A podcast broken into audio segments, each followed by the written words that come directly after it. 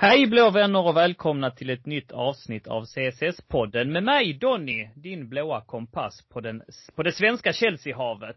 Och här för att navigera med mig har vi poddens arvtagare Ville Sjögren. Säg mig Ville, har du rest dig från gårdagens knockout ännu?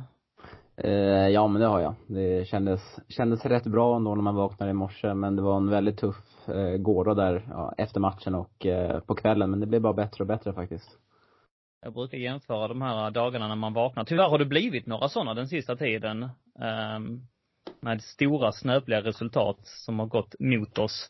Mm, och när jag vaknar så är jag alltid, känns det alltid så, som att jag är lite bakfull. Det känns som att jag gjorde något dumt under gårdagen och jag måste tänka efter, varför är det, det känns inte skönt att vara så tänka, just det, fan vi fick stryk av United med 4-0. Det, den känslan hade jag när jag vaknade. Känner du igen dig i det?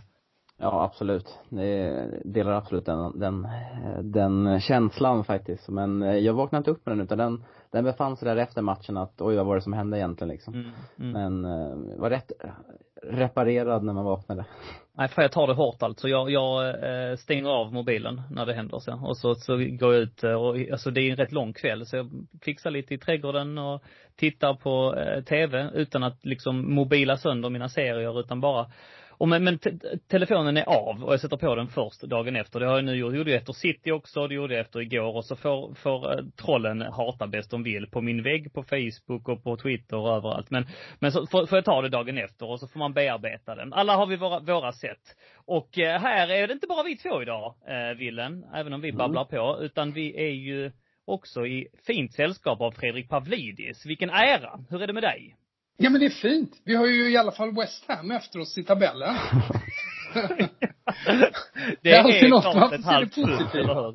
Ja. Ja, ja men all, helt, helt ärligt, jag, jag mådde dåligt eh, bitvis i andra halvlek. Jag har aldrig varit med om att en 0-4 förlust mot ett eh, stort lag som, eh, och rival som Manchester United har känts ändå så lättsamt som det har gjort efteråt. Eh, jag har, eh, jag kan, jag har tolkat in massa eh, positivt ändå i det hela faktiskt.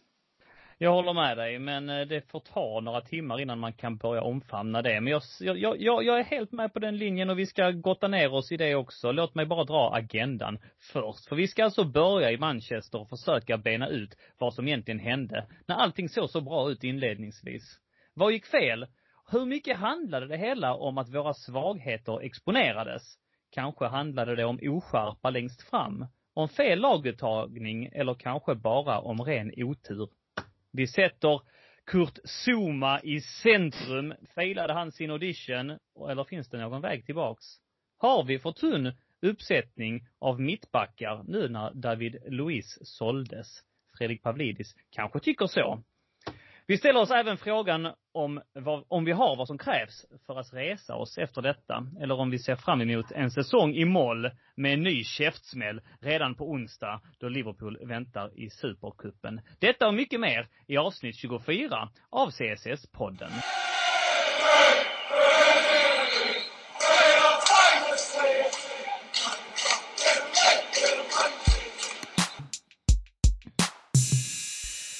Ja grabbar, var ska man börja? Jag har ju pratat upp detta Chelsea-lag. Jag vet inte om det är mitt naiva hjärta, men jag har alltså hyllat optimismen, jag har hyllat andan, jag har pratat gott om, alltså själva positiviteten och atmosfären kring detta Chelsea. Jag stack ut hakan så långt så att jag sa att vi skulle, om vi hade lite flyt med oss i år, för att vi hade mycket oflyt med oss förra året, om vi skulle ha lite stolpe in för en gångs skull och kanske någon skada i Liverpool, så kanske vi hade kunnat ta oss till en andra plats i år. Så långt stack ut hakan. 4-0 i röven, käftsmäll mitt i trynet och ner på jorden kom jag illa kvickt. Eh, Ville, jag brukar lämna över taktpinnen till dig så här inledningsvis, så att jag gör det idag också. Vad fan hände igår? Ja du, eh, väldigt bra fråga. Men jag tycker generellt att eh, den här matchen, jag tror det är många som ser på den väldigt olikt faktiskt. Jag tror många kan nog hävda att vi gjorde det bra, vissa kan hävda att vi gjorde det dåligt och ha sina synpunkter till det. Eh, men jag tycker att vi helt fallerar i, eh, alltså i mest i individuell oskicklighet och beslutsfattande i avgörande situationer kombinerat med en del försvarsmisstag. Det kanske hänger ihop lite med individuell oskicklighet men eh, ja, för att säga, alltså det finns, det har ju funnits alltid en stor optimism och en intensitet i Chelsea under försäsongen, det gjorde det även igår men eh, vi, oh, det visade sig igår att spelarna igår inte var tillräckligt bra individuellt, så då, och då kan det bli 4-0 i baken.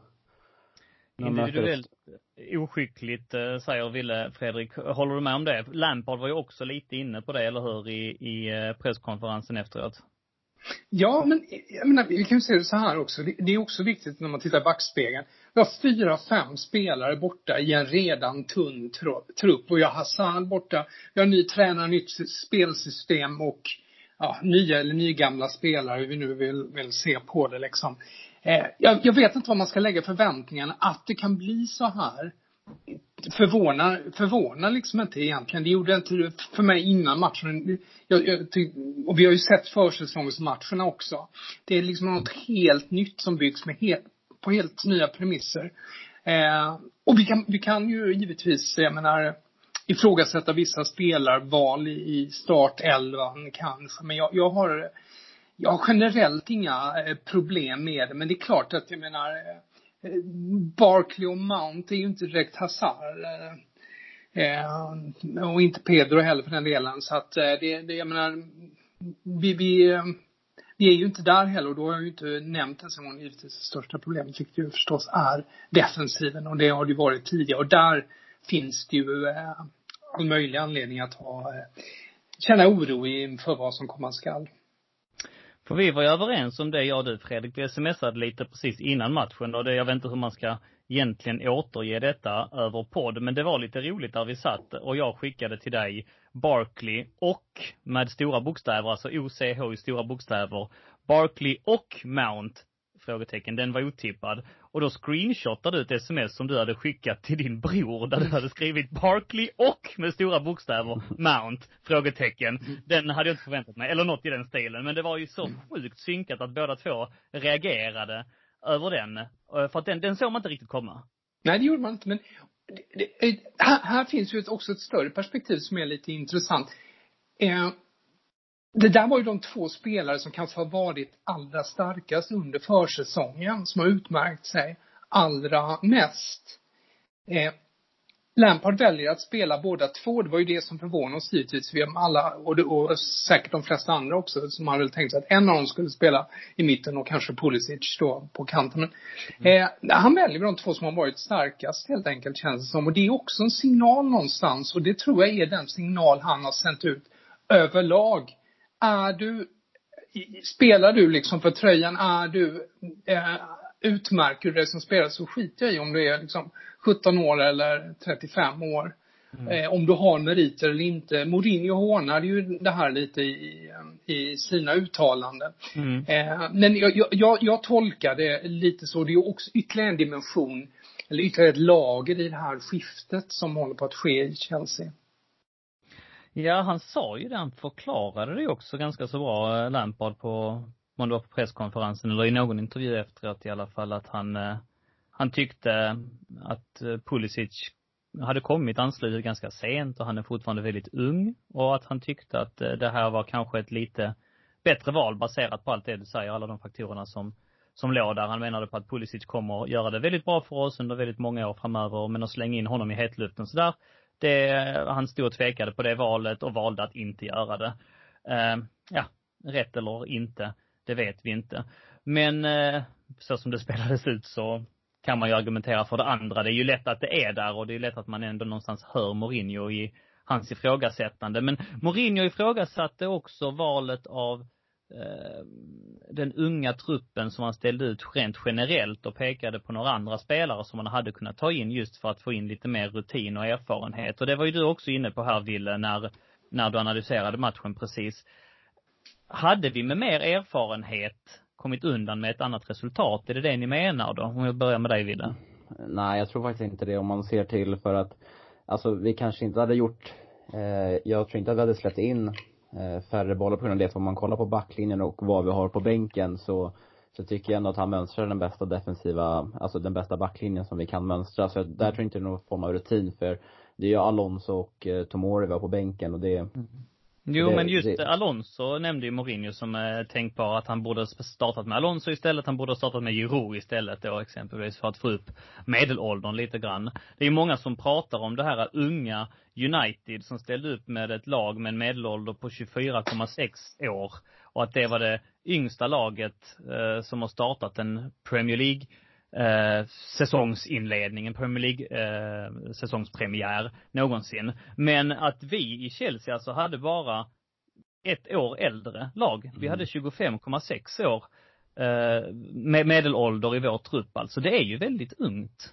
Jo, men skillnaden med United är väl att de har, även fast de har, de har fått in Maguire och van Bissaka som är ett, som, som ändå är ett par, ja men erfarna Premier League spelare, men om, om kollar man utöver det så har deras, deras yngre spelare har ju ändå haft ett par säsonger nu där de har spelat ihop sig. Så att eh, det är väl, det är väl där det skiljer åt om man, eh, om man kollar till orutinen. Att även fast de är yngre så, så har de ändå mer Premier League-erfarenhet än vad, än vad Chelseas lag hade. Där, där bara bryter in det är precis, helt rätt det du säger. Det, det är faktiskt en, en, en, stor skillnad där också. Mm. Eh, och samtidigt så ska man ju, apropå då Mourinhos kritik där, han sa ju det eh, förstås eh, kloka liksom, ana, eh, taktiska analyser med att vi inte har tillräckligt kompakta, för långt mellan lagdelar och så vidare. Det, menar, det, var, det var ju synligt för, för, även för oss lekmän. Men, mm. men när han gick till den här attacken, när han liksom hängde ut ett par av de unga spelarna, mm. så glömmer man någonstans också samtidigt att några av de absolut sämsta spelarna på planen, skulle säga, i Chelsea var ju Zuma och Aspilicueta mm. och i viss mån. Pedro också. Mm, Pedro var Det är tre stycken, er, tre av de mest erfarna spelarna i truppen. Mm, mm. Eh, så att eh, det, det är så, riktigt så eh, enkelt är det ju inte heller va. Men vad, vad är det mer då? Ska vi då gå in på, om, om vi, laguttagningen, vi säger att ja, det går att sätta ett frågetecken kring det. Men vi kan ju inte bortse heller från att Lampard lägger fram en del väldigt bra argument på sin presskonferens och att vi kan inte bortse från, ja visst vi är Chelsea-supportrar men vi såg ju matchen. Det borde inte slutat 4-0, kom igen. Vi är lite, är vi inte lite väl hårda nu? Jag menar, återigen, ramträff. Alltså, vi snackar, ja, jag spelar tillbaks ännu mer. 21 ramträffar hade vi förra året i Premier League. Det är mest av alla lag. Vi kan jämföra det med United som hade 9. 21 ramträffar. Går alla de in, hamnar vi väldigt mycket högre upp i ligan. Vem tror ni toppar statistiken i år? Visst, det har bara gått en match. Men det är vi igen! Det träffades, ramen träffades sex gånger i Premier Leagues första omgång. Och två av dem träffade Chelsea i ramen. Alltså sätter, jag sa det till farsan, vi satt där i soffan, båda två håller på Chelsea, oliverna var uppdukade, ölen var knäckt. Och jag såg Abraham dra den i stolpen och där sa jag, nu förlorar vi matchen. Så sa pappa, men vadå, det har ju sett skitbra ut inledningsvis. Så ja, för att den borde gått stolpe in. Nu kommer det smyga sig in hjärnspöken. Vi kommer förlora den här matchen, sanna mina ord. Jag var helt övertygad om det. Men vi bara tar vid exakt där vi slutade förra säsongen. Oturen fortsätter grina oss i ansiktet. Går den Abrahams skott stolpe in där, då har vi en helt annan match. Har jag inte en poäng där, Fredrik? Jo, så är det. Och det, det, var ju, det var ju faktiskt en, eh, det var ju en stark sån här what if-känsla där, liksom bara man hade gjort mål. Mm. Framförallt hade jag en sån stark känsla när man var på Wembley 94 på fa Cup-finalen mot United. När, eh, det var väl Peacock tror jag som hade ribbskott i första halvlek och man trodde att de, de kommer fan att fixa det här och vinna FA-cupen och sen så vann United med 4-0 i, i slutändan. Um, där, där fanns liksom en, en, en uh, flashback lite Mm. Uh, lite av Samtidigt är det väldigt tydligt att i, i, i den här typen av lägen så är det ju, det här är ju klassiskt när ett ett lag som inte riktigt har kapaciteten, som inte riktigt har rutinen och framförallt kanske inte har, riktigt har ledarna heller i laget. Där är ju en, ett stort frågetecken i Chelsea. Vem, vem, är det som, vem är det som ska leda det här laget liksom? Är det som ska dra det här? Vem är det, vem är det, jag menar, om jämför när vi hade Terry Check och mm, mm. Cole Lampard, Drogba och så vidare. Mm. Vilka är det som lyfter laget när det då har ett stolpskott och sen så istället får 0-1 emot sig? Mm. Där har vi ju Men vi den. spelar ju bra med 0-1 mm. i röven också ju. Vi spelar ju jättebra med 0-1. Eh, alltså vi har ju skott va, vi har eh, Barclays, eh, får han lite riktning på den när han drar Lindelöf så kan den gå i mål och då har vi 1-1. Vi har Emerson i ribban igen eller stolpkrysset. Mm. Alltså vi har något skott från eh, Pedro utifrån Mason Mount. Eh, vi har inspelet där Abraham, är han en meter längre fram, fattar inte varför han inte tar den löpningen, så kommer han, alltså då är han helt fri och gör mål där och bara tappar in den. Vi har ju många lägen, men visst, ja, är det, är ja, vad jag försöker etablera här, kokas det ner till enbart oerfarenhet eller är det också så att ibland man kan bara skylla på ren jävla bonna, bonnaotur? Det är svårt med 0-4 förlust. Går ja men det är ju det. Det är det ju. Jo, jo men det går, det går liksom, det, det är ju ändå 0-4. Eh, alltså det, de hade ju, det, det var alldeles för stora siffror absolut och det kunde ha gått annorlunda och allting men, men det, det är ju i slutändan en, en ganska klar förlust liksom så att Eh, och och eh, där, där har ju ändå eh, där tyckte jag, nu, nu tycker inte jag United är, är bra alls egentligen. Jag tycker inte de visar särskilt mycket i, i, i den här matchen mer än att ett par av nyförvärven är bra. Mm. Men nu, då har du till exempel Maguire som, och Lindelöf som ju var uh, mycket mer, visar större ledaregenskaper än, än någon annan i, i, i Chelsea och sådär. Så att jag, jag, jag känner att, att det är ett typiskt sånt problem som finns här. Där du inte har, du har inte liksom odlat en vinnarkultur riktigt ännu. Mm. Eller du har inte den typen av, du har ingen John Terry som, som leder laget på planen och så vidare. Mm.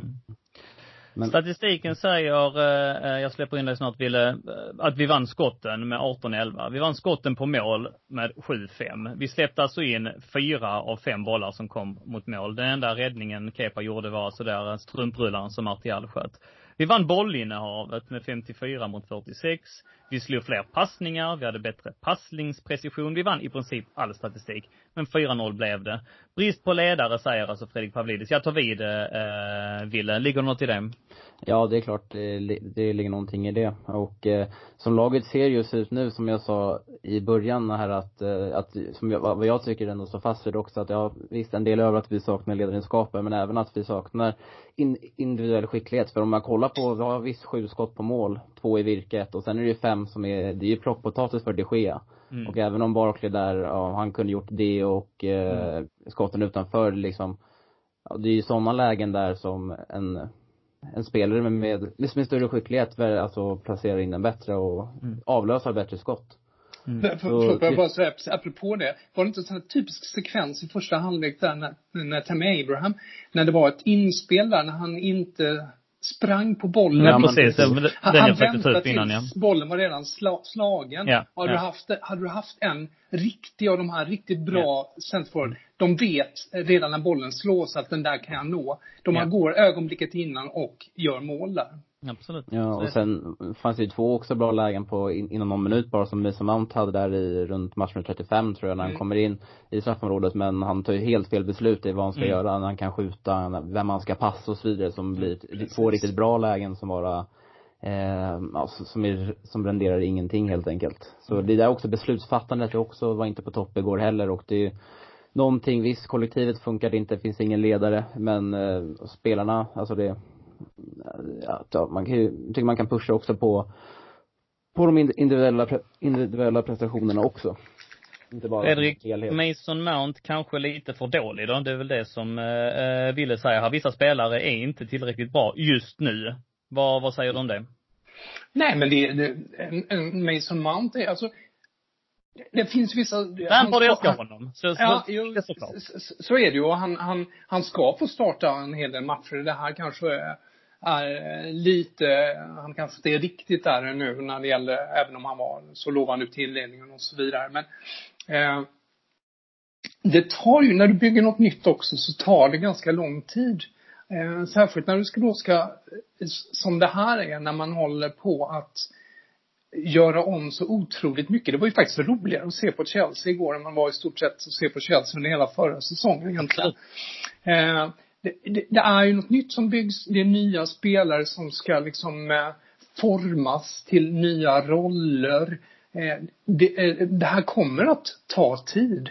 Det, det, är bara så. Samtidigt, jag, samtidigt tycker jag att, att det här är kanske det mest spännande också för att det, det har ju hänt en del i, i människor man har tagit in i klubben vad som komma skall. Så att mm. även om jag, jag, jag, kan ju få liksom eh, visioner av en 0-4 eh, igen mot, eh, mot Liverpool utan några som helst problem, att det kan bli så. Så, så tycker jag att eh, känns det som det finns någonting spännande, om det får, får gro då, men, men att det saknas individuell skicklighet just nu, absolut. Truppen är tunn, det är inte Lampards fel, det är klubben som sitter med sitt transferförbud också. Mm. Eh, det är också de investeringar man har gjort i spelare över tid här de senaste åren. Och eh, det, det, det, är att eh, det är flera spelare som är borta. Jag tror att till, till exempel, för, eller förstås, så kommer ju en spelare som Conte att göra skillnad också i att binda ihop lagdelar som försvars, som backlinje och mittfält och så vidare. Och Rydiger förstås också, få in honom. Absolut. Ja, du, du rör vid många eh, punkter där som jag vet inte riktigt vilken av dem jag ska välja att spinna vidare på. Men, men om du säger just backlinjen, Rudiger på väg tillbaka. Du skriver i din headlines, eh, för er som inte vet så skriver alltså Fredrik Pavlidis på Fotbollskanalen, har en fantastisk spalt som heter Headlines som kommer ut fem dagar i veckan, måndag till fredag, där han går igenom allt inom fotbollens ramar, inom de största ligorna. Och där skriver du ju alltså om eh, det här ryktet om eh, vad är han heter nu, Ben eh, Chilwell. Mm. Mm. Um, inte för att jag kanske direkt tror att det är lösningen på alla våra problem, men du skriver Nej. citat, gudarna ska veta att Chelsea behöver mittbackar. Vilket mm. jag tolkar som att, eh, en, en ganska hård smäll till både Zuma och Christensen för deras insatser igår, eller hur? Det blir bara väldigt slående just med, och nu hamnar jag i det ältandet av, av ledaregenskaper och sånt mm. där. De har varit bortskämd med Terry mm. genom åren. När man har haft mittbackar som Carvalho och så vidare. Mm. Så blir det ganska tydligt äh, här att eh, Christensen är ju någonstans han har ju inte riktigt den pondusen som behövs. Nej. Zuma blir ju en kontrast mot David Luiz här när det, när det gäller liksom, ja, passningsskicklighet till exempel. Eh, samspelet, jag menar sån grej som bara Luis samspel med hur många bollar, långbollar slog inte han på ja. Pedro exempelvis förra mm. året och så vidare. Det, det, det, blir bara väldigt tydligt hur mycket som saknas. Nu hade ju Zuma en mardrömsmatch och Christensen var inte mycket bättre så att mm. eh, men, men även när vi får tillbaks Rydiger så känns det ju som att eh, eh, där det är tunt. Jag vet inte om Eh, alltså man, man börjar få liksom så här jag får nästan sån här paniktanke med Reece James. Att om han kan spela mittback eller alltså det är ket, alltså riktigt. Du är inne på den. Ja. Men har du, har du dömt nej. ut, innan, innan ja. du går för långt, har du dömt ut Zuma för all framtid? Uh, nej men, nej. Han var ändå alltså, skitbra i Everton förra året. Ja, och han var en fantastisk säsongen 14-15 för oss ja. när vi vann både ligacupen och, och uh, ligan. Ja. Och, han är bara 24 år. Han är bara 24, man glömmer bort mm. det han och Kristensen är väl inte det ultimata paret riktigt. Jag vet inte hur man skulle para ihop honom men eh, Ja men var, alltså han hade ju en bra, så speciellt andra delen av säsongen med Everton nu här som, som han var bra men eh, alltså han är, det är ju en väldigt stabbig eh, back och jag, jag, alltså det går ju inte att göra något annat än att gilla någon som heter Happy mellannamn och som är liksom hans, vem är det han, han har fått sitt namn efter Kurt? Kurt Cobain va? Ja. Nej, nej, nej, det är någon sån kampsport. Nej, nej, just det, det var spagetti-western. Eh, nej, eh, någon, någon av de här, inte Steven Seagal utan någon annan sån rollfigur som som han har fått sitt namn efter ifrån en film och sånt där. Det fanns mycket med honom som, och hans leende och allting sådär. Ja, som, ja. Som, alltså, när han kom som man, man kunde gilla men eh, sen så måste man ju ta bort det. Det är lite som med Louise att det fanns mycket med honom att gilla men eh, Nej, jag, jag, jag, jag, är, jag var väl tveksam innan och sen så, sen är det klart att, ja visst, det, det kanske är hårt att döma ut honom helt och hållet. Men, men det, det, det mittbacksparet, Zuma, Christensen, inger ju inte direkt någon trygghetskänsla. Vill jag släpper in dig här. Zuma, vi hade hoppats mycket på honom. Vi har pratat upp honom i podden, eller hur? Men visst, han får ju underkänt igår. Det, det är jag helt med på. Men jag vill ju gärna tro att han är bättre än vad han visade igår. Jag håller ju dock med om att hans styrka inte är i passningsspelet, i uppbyggnadsspelet. Men rent brytningsmässigt, i luften, i närkamper, där har han visat att han är en klass för sig tidigare. Har han det fortfarande? Har han tappat det? Har den här jäkla knäskadan förstört det för honom? Ja, vad, vad säger vi om Kurt Zuma? Baserat på igår så är det ju inte särskilt positivt, men kan han lyfta sig från detta? Ja, det är klart. Alltså, det där var ju rock bottom igår liksom. Det är svårt att göra en sämre insats om man inte har tagit ett rött liksom. Det är mm. klart att han, att han kan, eh, att han kan, kan mycket bättre än så här. Han hamnade bara helt snett i det igår och som Fredrik också säger där att, ja men Christensen och Zuma tillsammans, det, det ger ju ingen trygghetsfaktor i laget med två ändå rätt pass orutinerade spelare där bak. Eh, som ska spela tillsammans utan någon naturlig ledare. Mm. Eh, men det är klart att han har en högre nivå i sig men, eh, ja man såg ju lite igår också där en, en rätt talande sekvens i när han passar bollen mitt i gapet till Martial att han ja. kanske inte passar för just den här typen av fotboll. Mm. Eh, utan det kanske är lite mer den här att han får, det är väldigt kompakt och mm. han får stångas och han är med på kontringar för det man kan ändå säga är att han hade ändå ett par, även när United försökte kontra där, när Chelsea ändå var det bättre laget eller ja, i, i den första halvleken så, så är han ändå lite, han är ändå rätt smart. Alltså han, han har ju koll på var motståndar, motståndar, motståndarspelarna befinner sig och, och täcker ytor med sina löpningar hemåt när, när de försöker gå på kontringar. Så, så det är klart att det finns eh, mycket bättre i honom än det han visade upp igår och eh, kanske blir bättre här nu när vi, ja, vi är väl, vi är väl desperata nu att få in en, att få in Rydiger igen och vi får se då vem eh, eh, vem Frank Lampard då väljer att spela bredvid om, det är Stommel eller Christensen, men jag är tämligen övertygad om att den det blir kommer att höja sig. Ja, det är faktiskt jag också. Och Rudiger är ju nu, om du har tjatat om brist på ledare, Pavlidis, så han är ju en sån framtida ledare som jag känner i alla fall har det där skriket och jävlar anammat i sig och kanske också verkar vara omtyckt i omklädningsrummet och kan få med sig i truppen. Så låt oss hoppas på honom, eller hur? Absolut, det, och jag, jag, jag gillar honom absolut. Jag, det, det, det, är bara eh, ett dilemma när det känns som att det är väldigt mycket som är oklart när det gäller de här rollerna. Förhoppningsvis formas han ju och, eh, och kommer att kliva fram och tar ett eh, större ansvar. Men jag menar, du har ett problem också med en sån här spelare som Aspelikueta som inte är riktigt där han har varit, känns det som.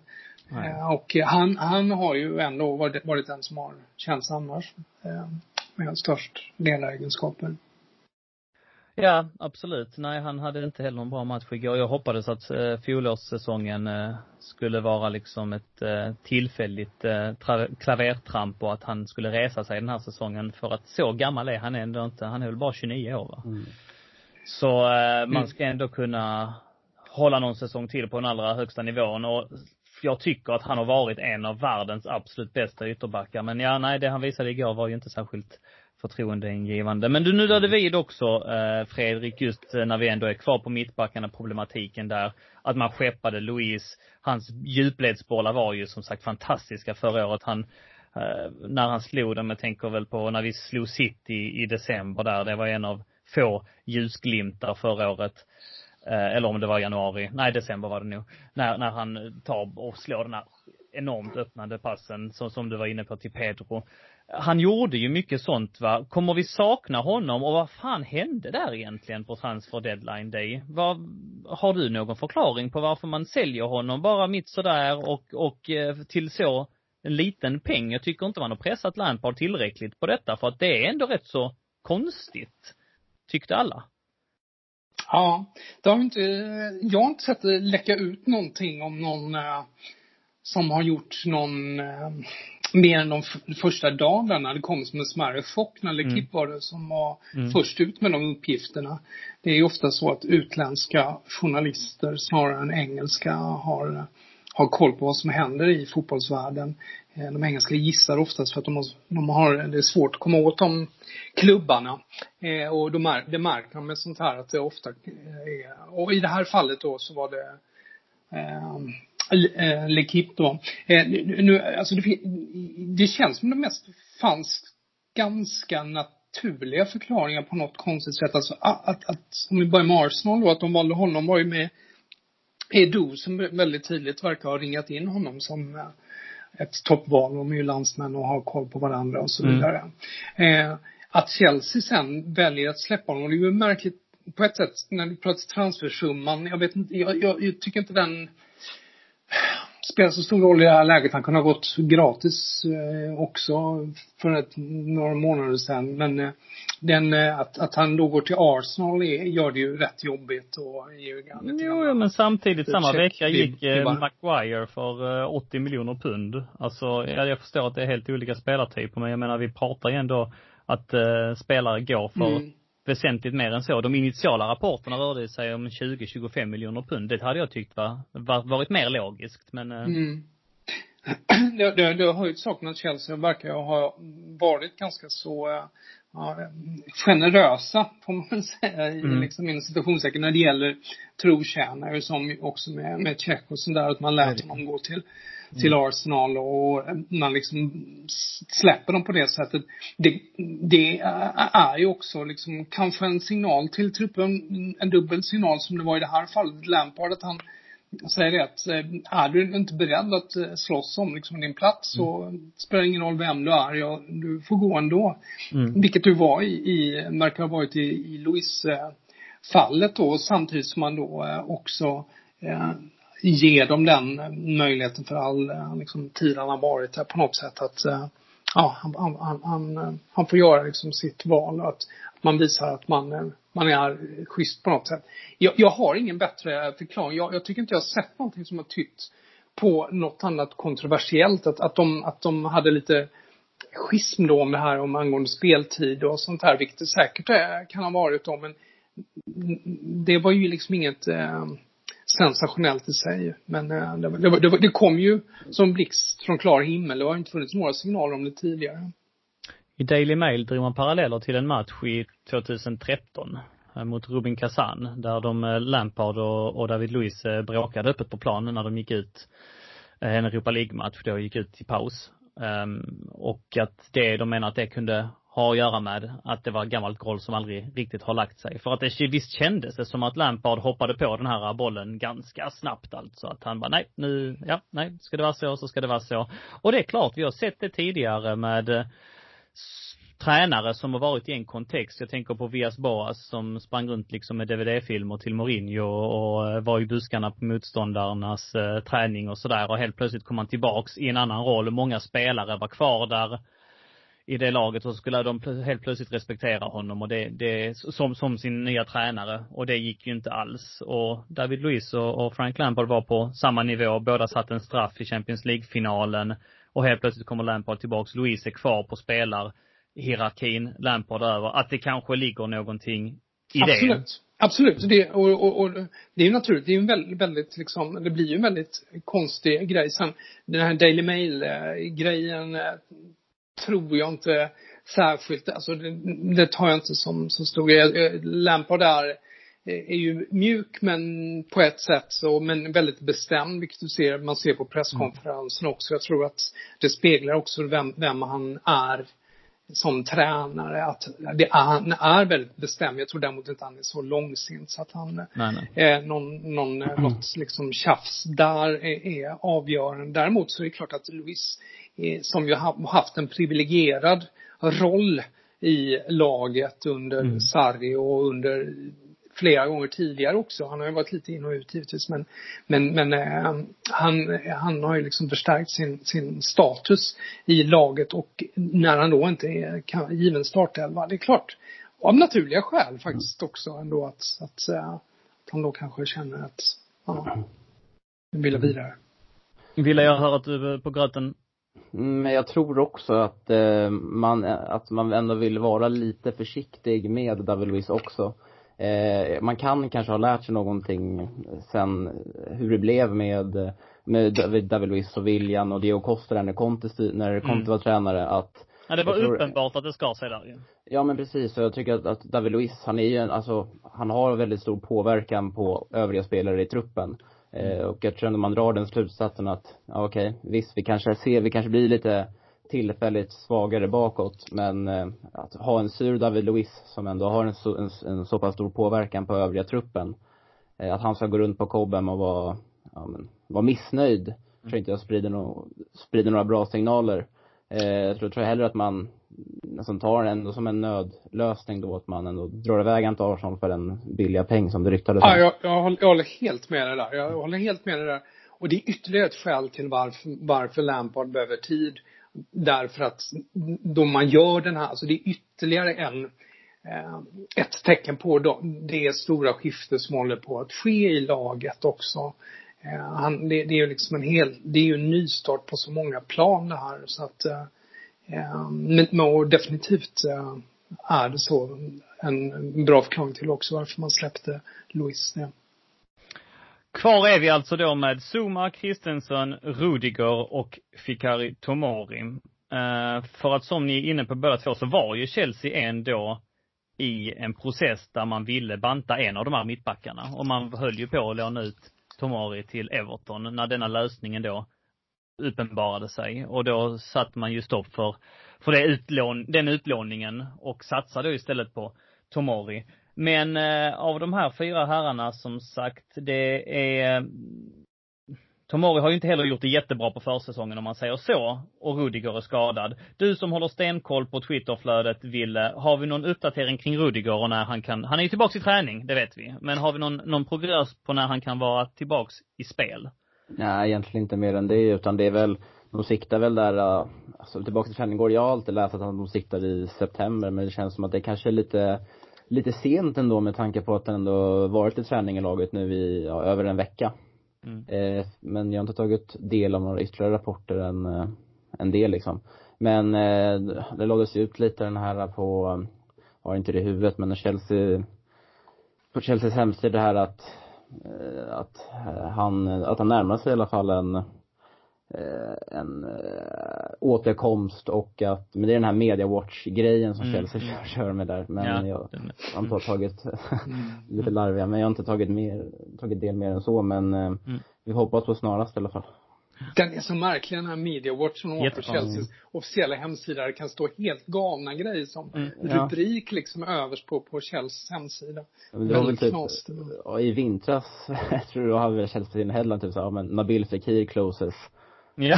Uh, a, a move to Stamford Bridge liksom och det är såhär, oh jävlar liksom, tänkte man då, mm. men sen bara according to media in England liksom, man bara, ha. ja, ja. Jätte, jättemärkligt äh, grepp det här. Ja, mycket konstig uh, i take på det hela, inte riktigt förstått det. Uh, men nåväl, vi är, vi är kvar på truppen. Uh, vi har också, vi nämnde här precis att eh, David Luiz uttåget, att Lampard hanterade det som Lampard hanterade det. Fredrik, vad tycker du annars? För att jag måste säga att jag har ju varit positivt överraskad. Jag, jag vetat om att Lampard har varit en väldigt duktig fotbollsspelare givetvis, att han besitter ett stort fotbollskunnande. Men det är ju inte allt. Det är ju en smart jävel också. Han uttrycker sig väldigt bra. Han pratar i vettiga termer och det verkar som att han ändå har koll på läget när han gör sina analyser. Hur, hur har du blivit slagen av hans första tid här i Chelsea? Givetvis då med vetskapen att vi förlorade med 4-0, men jag tyckte ändå han hade en vettig analys på det hela. Men är du imponerad? Kommer det här leda till någonting eller kan vi räkna med att det här blir några jobbiga säsonger innan han får rätt på det? Ja, det, det, det kan mycket väl bli en väldigt jobbig säsong i alla fall den här. Men eh, man vill ju, alltså, av så många skäl förstås att det här ska lyckas. Och man såg ju redan från första presskonferensen vilken, alltså vilken för det första bara kontrasten mot eh, Scruffy, eh, Sarri då mm. och eh, men, men sättet han uttryckte sig på också. Det var inte bara massa klyschor han slängde sig med utan han var väldigt tydlig med saker och ting och eh, han har, han har ett ledarskap i sig som jag tror skulle kunna funka jättebra men det är ju så nytt allting så att mm. man vet inte och Sen finns det ju den här, eh, men bara för att snabbt återknyta bara till det här med, med defensiva oron som jag har läst mig till om att när han var i Derby var det ju samma problematik som ja. han såg under för, försäsongen här med, med eh, försvarsspel och fasta situationer.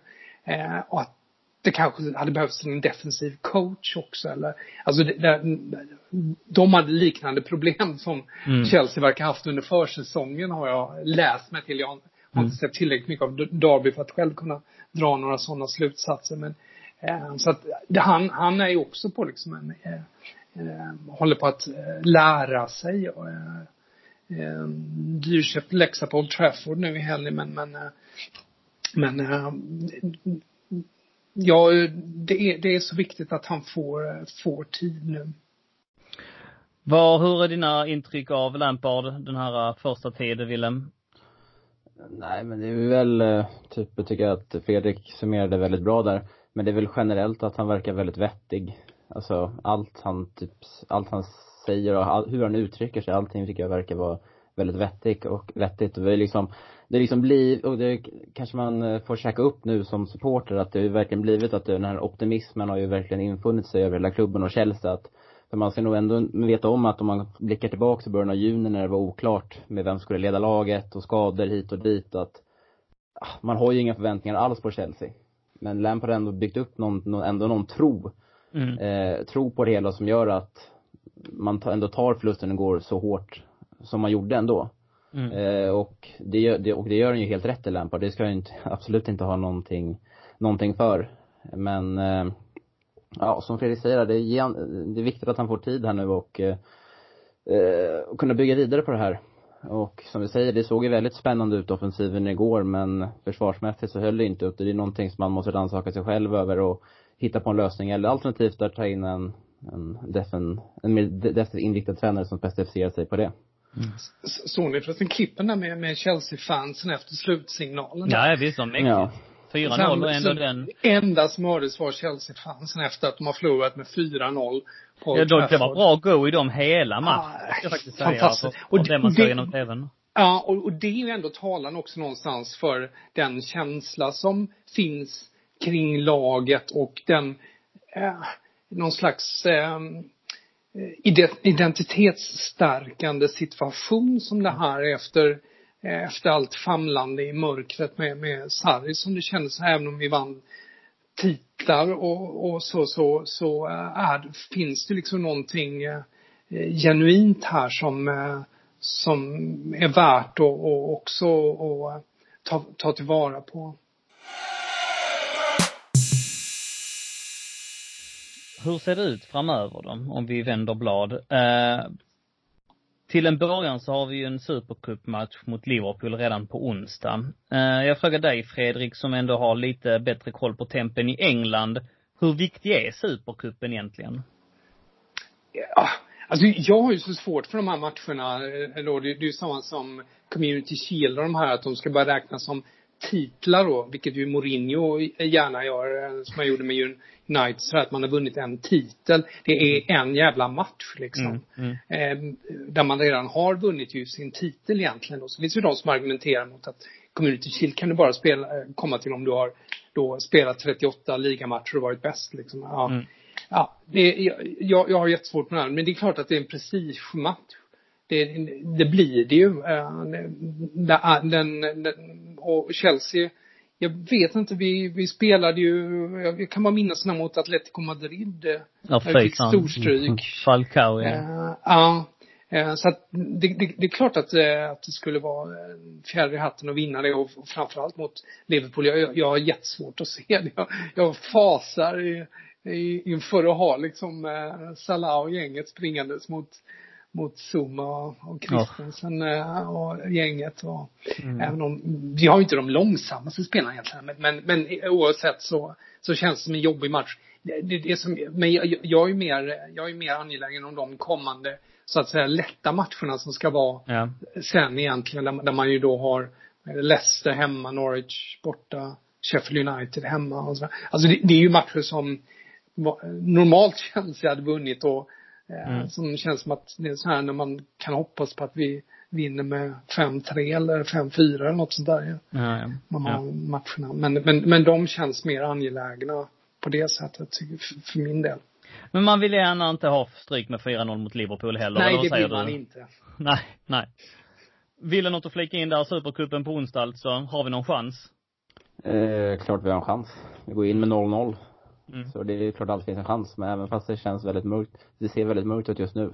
Tycker du det? Eh, ja, det känns väl som att, tanke på utskåpningen igår, Eh, ja, men jag, alltså. fan, jag tyckte inte det var en urskåpning. Nej, de men alltså. komma tillbaks till det alltså. Det, och läser man pressen igen så kollar man på Match of the Day, det är klart de hyllar United för deras fantastiska kontringsspel och sådär. Men det är ändå en del röster som uh, lyfts för att uh, United inte var värda detta. Nej, uh, jag läste en intervju med han Sam, Simon Jordan, vet, vet du vem det är? Kommer du ihåg honom, Pavlidis, som satt som ordförande, eller ägare i Crystal Palace? Crystal Palace, just det. Ja, precis ja som sa mm. att United were lucky. Alltså det skulle aldrig blivit så va. Och, men ja, vi kanske har tjatat för mycket om det, men jag menar, kalla det för utskåpning, Ville. Visst resultatmässigt, ja, men alltså bättre än Nej, så kan vi ju vår fotboll, eller hur? Det var ju inte 4-0. Nej, precis. Det kanske var fel ordval. Men, eh, men jag tror också att eh, både Liverpool och Manchester City hade vunnit den här matchen mot United med 4-0 istället, för att United var inte bra. Men eh, det är klart, ja, alltså det är inte direkt så att Det är det som är det oroväckande faktiskt. Ja. Så det är mest det jag känner att vi, nu kommer vi möta ett ännu bättre lag som, eh, ja, vet inte om man ska lägga till, men de har vilat två dagar längre också. De mm. spelade ju fredagskväll. Stämmer. Och eh, så att man känner alltså, jag är mest, alltså jag är mest spänd på att se själva spelet. Eh, resultatet är så här, det är alltid prestige att möta Liverpool, man vill alltid vinna mot Liverpool, men titeln bryr man sig inte om så mycket, om man, om man ens får kalla det för det. Eh, men ja, vi får, vi får se helt enkelt. Eh, spänd, men har inga större förhoppningar om att vi ska, vi ska vinna.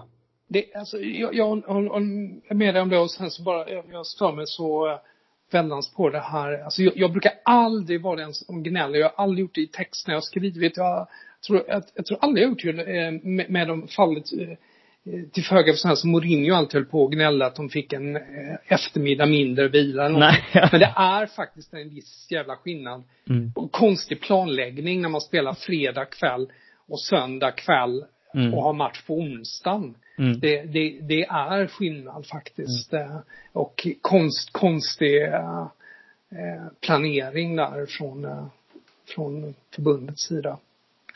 Sarri var ju väldigt bra på att peka ut det va. Och till Italien så fick vi alltid spela på tidigare när vi skulle spela Champions League och... det, det kanske är bara så för att eh, den här supercupen är en Uefa-turnering och Premier League i, i England så att de tar väl inte så mycket hänsyn till det som de ja, gjorde om det hade varit FA-cupen menar att det ja. engelska förbundet borde ha gjort va. Att mm. man borde kollat på det och så då kanske lagt Chelsea på lördagen istället. Eller något till den. Men som sagt, vi ska inte haka upp oss det som det är. Sky bestämmer vilka matcher det är som ska visas så, så faller ja, förbundet bara till föga. Mm, mm. Nej, money rules. Eh, men om vi då blickar framåt, om vi skiter i, i supercupen helt enkelt och framöver.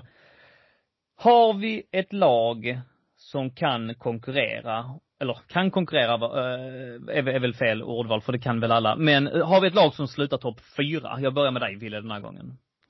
Uh, Alltså, det blir ju lite, det blir ju en liten väckarklocka igår och just nu känns det väldigt långt bort.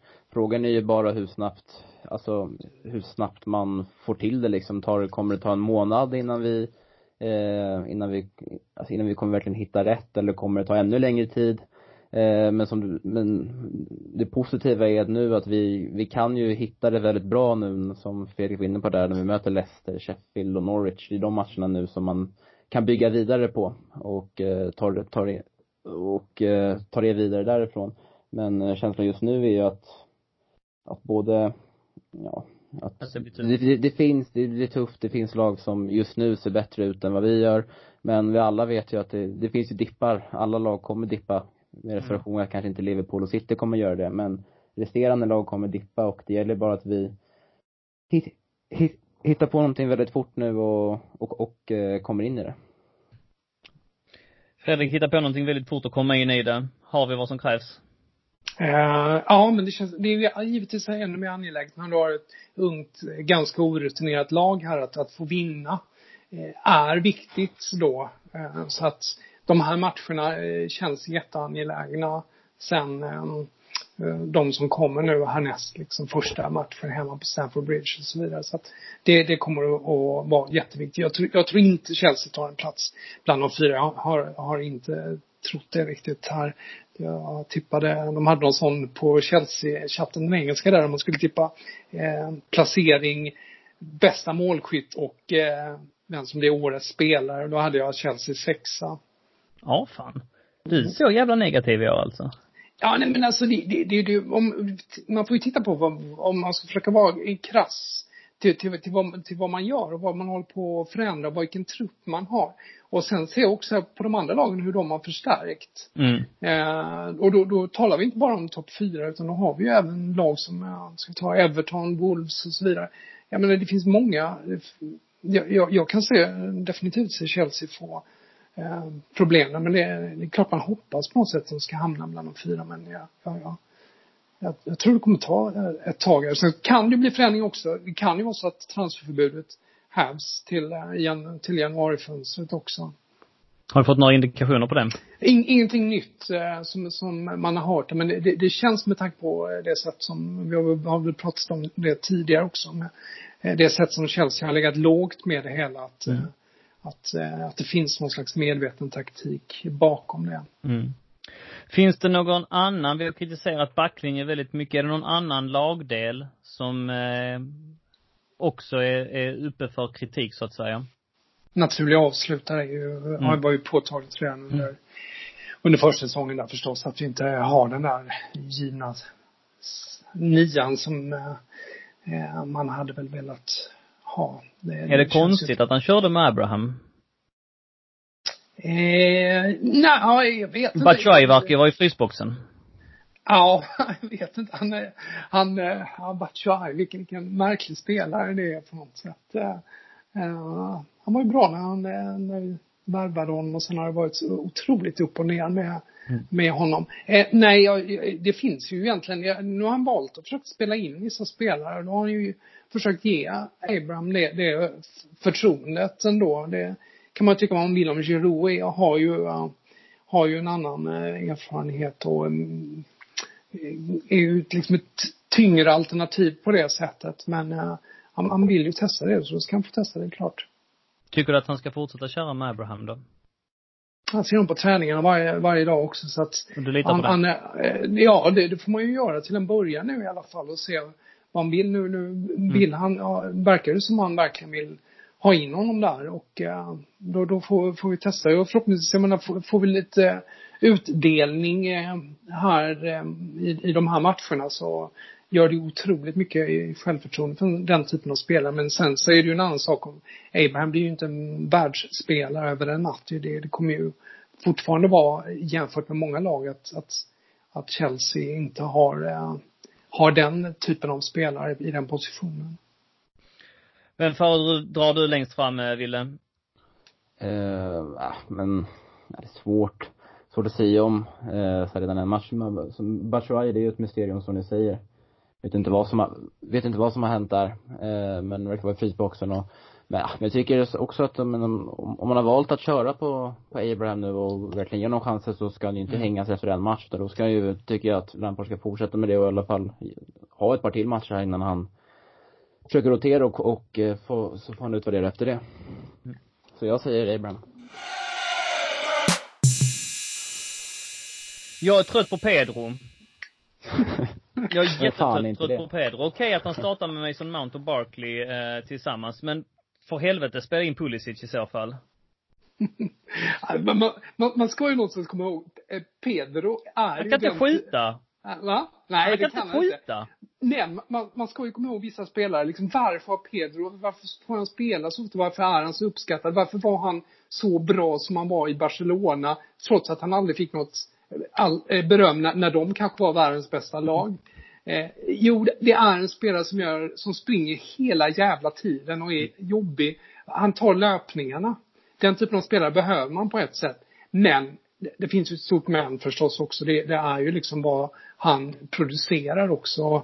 Eh, och det är ibland undermåligt. Men, men någonstans får man ha det i bakhuvudet också. Var, varför tränare väljer honom? Jo, för att han, han, gör det arbetet som inte syns lika mycket.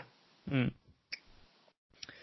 Ja, nej, det är möjligt. Jag är ändå trött på honom. Jag, ja, det är okej. Okay. Jag är också ganska trött på honom. ja, ja. Ja, jag hör det du säger och jag hade hoppats på, på Pulisic.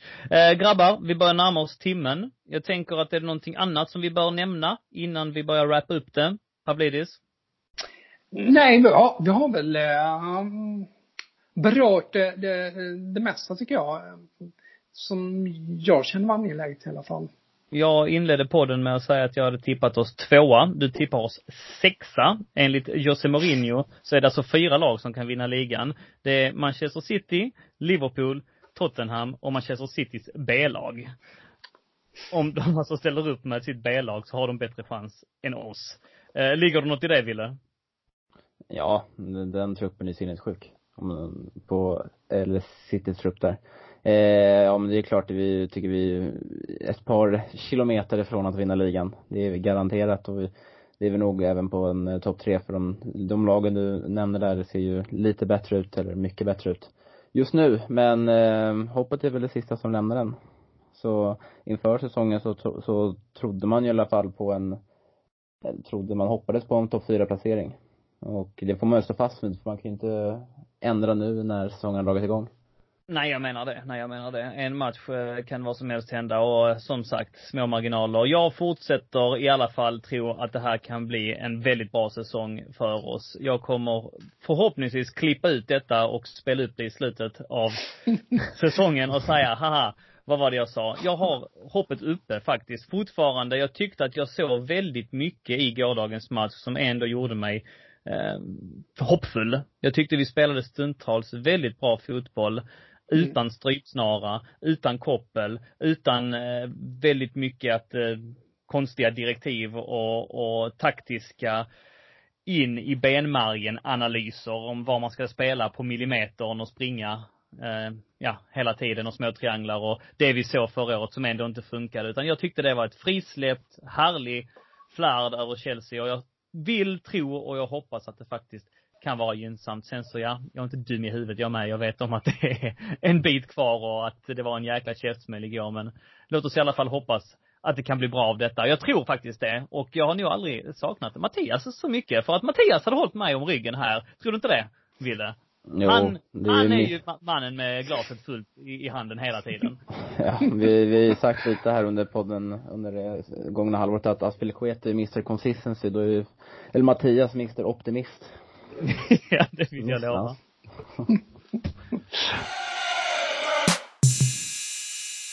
Boys, eh, Fredrik, har du någon resa inplanerad eller är det mest eh, framför tvn i år? Ja, det har ju varit det. Jag har ju, uh, har ju inte, har, jag, jag, får ju faktiskt inte, eller jag har inte fått resa då på grund av sjukdom så att jag mm.